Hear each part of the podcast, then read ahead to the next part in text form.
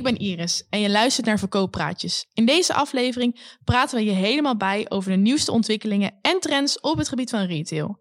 En wat is de toekomst in retail? Hier kan Tom Kikkert mij alles over vertellen. Hij is retaildeskundige. Tom, Ja. welkom. Dankjewel. Leuk dat je er bent. Jij bent uh, retaildeskundige. Uh, ik ben meteen heel benieuwd. Wat houdt dat eigenlijk in? Ja, het is een beetje een bijzonder woord. Want Mhm. ik ben nu 30 jaar oud. Dus ik heb vijf jaar de tijd daarvoor gehad. Ja. Ehm, het is een beetje gelukt. Mijn bedrijfsnaam is mijn eigen naam. En toen ik voor het eerst iets in de krant mocht doen, zochten ze Tom Kikkert van. Ja. Dus van welk bedrijf. Maar omdat dat mijn eigen naam was, hadden ze zoiets, ja, dan moeten we er misschien wat anders achter gaan zetten. En toen is het ooit een keer retail-expert geworden. Dus eh, nou, daar heb ik het aan te danken. En sindsdien wordt dat elke keer overgenomen. Eh, aan de andere kant, het is ook mijn werk nu. Dus ik help veel grote merken en grote retailers met... Ja, hoe ziet de toekomst eruit van hun bedrijf... en welke rol speelt nou, een fysieke ruimte daarin. ja. En dat is dus de winkel op dit moment. Wat zijn nou eigenlijk de nieuwste ontwikkelingen op het gebied van retail? Nou, retail ging vroeger heel erg over inkoop en verkoop. Als je Ja. vroeger naar een eh, opleiding ging voor retail, dan ging het heel erg over van eh, ja, voor hoeveel procent koop je een product in en hoeveel marge moet je dan maken en voor hoeveel geld verkoop je het product dan weer. Maar het wordt eigenlijk steeds meer belangrijk wat voor een emotie roept zo'n winkel op.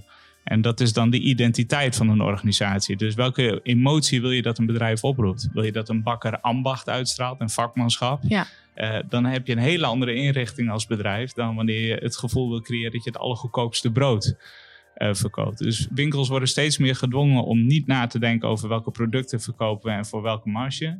Maar het wordt steeds belangrijker om na te denken, ja, wat is die identiteit van de plek en van de locatie? En hoe gaan we dat gevoel in die ruimte tot leven laten komen? Dat kan met geur, dat kan met beeld, dat kan met eh, inrichting, dat kan met reclame, dat kan eigenlijk met alle facetten. Ja. En dat maakt de retail tegenwoordig weer een stukje leuker als dat het geweest is. Ja. Eh, omdat het hele andere facetten vraagt.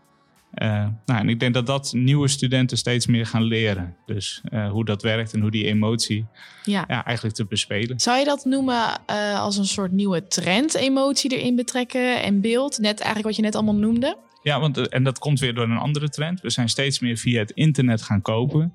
Kijk, als je het grootste aanbod wilt hebben van producten, dan heeft internet het grootste aanbod. Ja. Als je de laagste prijs wilt hebben, dan heeft internet de laagste prijs. Ja. Dus winkels kunnen steeds moeilijker daarom bestaan. Eh, en winkels worden dus eigenlijk letterlijk, eh, of daar wordt de vraag aan gesteld, ja, waarom besta je dan nog wel? Ja. Nou, en dat zit in dat stukje emotie, want er is één ding wat een fysieke plek beter kan dan het internet. En dat is namelijk vertrouwen winnen en emotie oproepen. En Ja. dat geldt voor een regisseur die een film uitbrengt, is dat de bioscoop. Voor een artiest is dat een concertzaal in plaats van YouTube. En voor een merk is dat nog steeds een winkel in plaats van het internet. Ja. Dus, nou, en dat is denk ik de innovatie die voortkomt uit de opkomst van het internet. Ja. Dat fysieke winkels de innovatie hebben, dat ze nou moeten denken over die emotie en ja, die identiteit. Dus ik denk wel dat het een trend is. Ja, en hoe kan je dan als bedrijf zijnde inspelen op die trends? Dat begint bij eh, bedenken wat je identiteit is. Ja. Dus waar sta je voor? Wat is je grotere overtuiging? Ben je Dil en Camille en zeg je van het gaat bij mij om maatschappelijk, eerlijk, verantwoord en duurzaam. Dat vinden we belangrijk. Ja, dan zegt dat iets over de techniek die je wilt gebruiken. Nou, misschien wel recyclen of hergebruiken. Ja. Terwijl als je de action zegt, eh, hè, we willen het gevoel van goedkoop. Ja, dan, dan is de innovatie misschien wel logistiek. Want dan moet je efficiënter, dan moet je opschalen, moet je groter worden om het goedkoop te kunnen maken. Ja. Dus de trends volgen vaak de identiteit. En we denken vaak dat een retailer de trends moet volgen.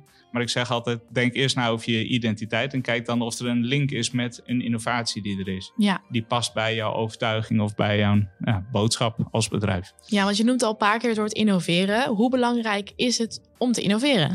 Ja, ontzettend belangrijk. Dus je moet altijd wel een beetje dat kinderlijke enthousiasme houden als bedrijf. Om gewoon Ja. te denken, we proberen wat, we kijken wel wat er gebeurt. En er is wel eens een beeld dat hele grote bedrijven hele weloverwogen keuzes maken. Ja. Maar ik stond ooit met iemand van de Albert Heijn op het podium en die had een hele mooie zin. Namelijk experimenteren is goedkoper dan onderzoeken. Ah. Dus die zei eigenlijk, weet je, laten we maar gewoon gaan experimenteren. Dus kijken of iets wel werkt of niet. Eh, Ja. En dan zien we wel. We leren er altijd iets van. En dat is ook wel een ja, verandering die je bij steeds meer bedrijven ziet. Is dat ze wat minder eh, ja, hoger geschoolde studenten vragen om te helpen. Om te onderzoeken, om te verdiepen. En dat ze steeds meer eigenlijk praktische mensen vragen om te helpen. Van, joh, als wij een idee hebben, wil je het eens testen, wil je het eens proberen, kijken hoe erop gereageerd wordt. Worden Ja. de camera's aan het plafond gehangen en dan gaan we kijken hoe mensen ja, of ze erop reageren, of ze het leuk vinden, of ze blijven hangen. Dus het, is, ja, het gaat steeds meer naar een experimenterende cultuur en steeds minder naar heel veel onderzoek doen en en dat is heel leuk. Dus het is ook heel erg kijken eigenlijk wat er gaat gebeuren. Ja, en gewoon proberen. Gewoon leuk vinden. Jonge mensen om je heen verzamelen die ideeën hebben waarvan je denkt, ja, geen idee of dat werkt. En dat doe ik zelf ook. Ik vind het leuk om met, uh, nou, nog weer jonger dan ik zelf, mhm, ja. studenten te werken die soms absurde ideeën hebben. Maar dan durf ik ook niet te zeggen dat het niet werkt. Dus dan denk ik, nou, laat het maar proberen dan. En uh, vier op de tien keer denk je, ja, kansloos. Het was echt geen mhm. goed idee. En zes op de tien keer denk je, nou, dat is eigenlijk wel grappig hoe dat werkt. En ja, dan heb je weer iets nieuws of dan heb je weer iets leuks. Is dat ook echt iets voor de toekomst om juist met zoveel jonge mensen te werken, net afgestudeerden, in plaats van met ja, de wat uh, oudere generatie die uh, heel veel technische dingen weet, zeg maar?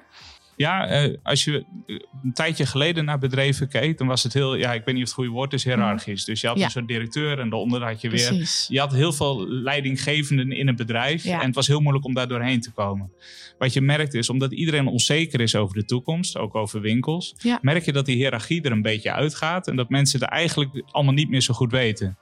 Nou, en dan merk je dat er veel meer een cultuur ontstaat van, nou, weet je, wie het beste idee heeft, die mag het gaan proberen. Nou, en dat er dus weer veel meer ruimte ontstaat. Dus bedrijven die iets minder ja, arrogant georganiseerd zijn, die, uh, ja, dat, dat, die werken nu het beste, omdat die veel sneller de cultuur hebben van uh, nieuwe ideeën een kans geven, nieuwe inzichten een kans geven, in plaats van die mensen die er al twintig jaar zitten. Want die komen niet meer met het nieuwe idee. Nee, nee, nee. En wat is dan ook het uh, verschil eigenlijk van de retail van nu en de retail van de toekomst? Wat gaat er nog meer veranderen?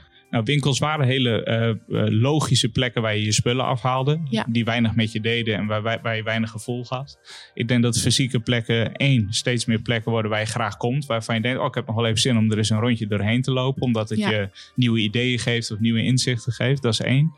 En twee is, ik denk dat werelden steeds meer met elkaar gaan vermengen. Dus ik uh, doe ook veel in de bioscoopbranche. En je moet je voorstellen dat je straks in het midden van een sportwinkel een heel groot scherm hebt waar live sportevents worden uitgezonden. Ja. En waar clinics worden gegeven als het gaat om skiën of als het gaat om schaatsen. Uh, of waar de nieuwe voetbalschoen uh, uh, gelanceerd wordt in combinatie met een Champions League wedstrijd. Dus ik denk dat steeds meer winkels minder bezig zijn met een winkel vol met spullen. Mm -hmm. En steeds meer een plek creëren die voor mensen een betekenis heeft of waar ze graag komen omdat je weet, als mensen ergens graag komen, levert dat automatisch omzet op. Dus mensen gaan dan wel geld uitgeven, linksom of rechtsom. Mhm. En daarbij, korting gaat dan een minder grote rol spelen. Want als we dus emotioneel verbonden zijn en iets, en misschien herken je het wel aan een uh, bepaald telefoonmerk waar je fan van bent, dan maakt het ineens geen fluit meer uit wat het kost. Of, dus als het je lukt om die emotie te raken van mensen, dan nou, gaan de korting en prijzen een minder grote rol spelen. En dan verdien je als bedrijf geld. Want je noemt heel veel nu over winkels. Want wat is dan die toekomst van de detailhandel? Want je hebt het heel veel over emoties en in de winkel zelf. Maar gaat het internet dat niet overnemen? Slokt het internet die winkels eigenlijk niet op? Ja, het is een beetje hetzelfde principe als uh, aan het begin toen de producten gemaakt werden, was dat mensenwerk. Ja. Uh, en dat werden op een gegeven moment fabrieken. Betekent niet dat er geen producten meer worden gemaakt, maar dat wordt op een gegeven moment machinewerk. Ja. Datzelfde gebeurt een beetje bij retail. Dus retail was mensenwerk, dus producten inkopen, op voorraad houden en verkopen. Maar dat wordt eigenlijk steeds meer computer gestuurd door het internet. Ja. Want het internet kan dat berekenen, kan dat voorspellen. Dus de vraag is, kan de mens daar nog weer een factor bovenop gooien, waardoor het weer een menselijk vak wordt? Ja. Nou, en dat is dat stukje emotie. Uh, want dat vindt de computer eigenlijk nog best wel lastig. Hè? Om ja. een echt contact te maken. Hè? Dan hebben we een telefoon die tegen je praat, maar je hoort aan alles dat het een telefoon is. Uh, en dat is het stukje wat mensen nog steeds toe te voegen heeft aan een product. Dus het is eigenlijk een volgende stap in uh, ja, wat heeft de mens nog toe te voegen aan een plek. Dan ter afsluiting, deze aflevering heet ja, Retail in de toekomst. Hoe zou jij kort en krachtig de toekomst van de retail omschrijven? Ja, die wordt heel rooskleurig, denk ik. Dus ik ben er echt heel positief over. En dat is vooral omdat de binnenstad weer een plek wordt waar je graag naartoe gaat. In, plaats van een plek met heel veel spullen. Nou, Tom, dan wil ik je heel erg bedanken voor het interview en voor je tijd.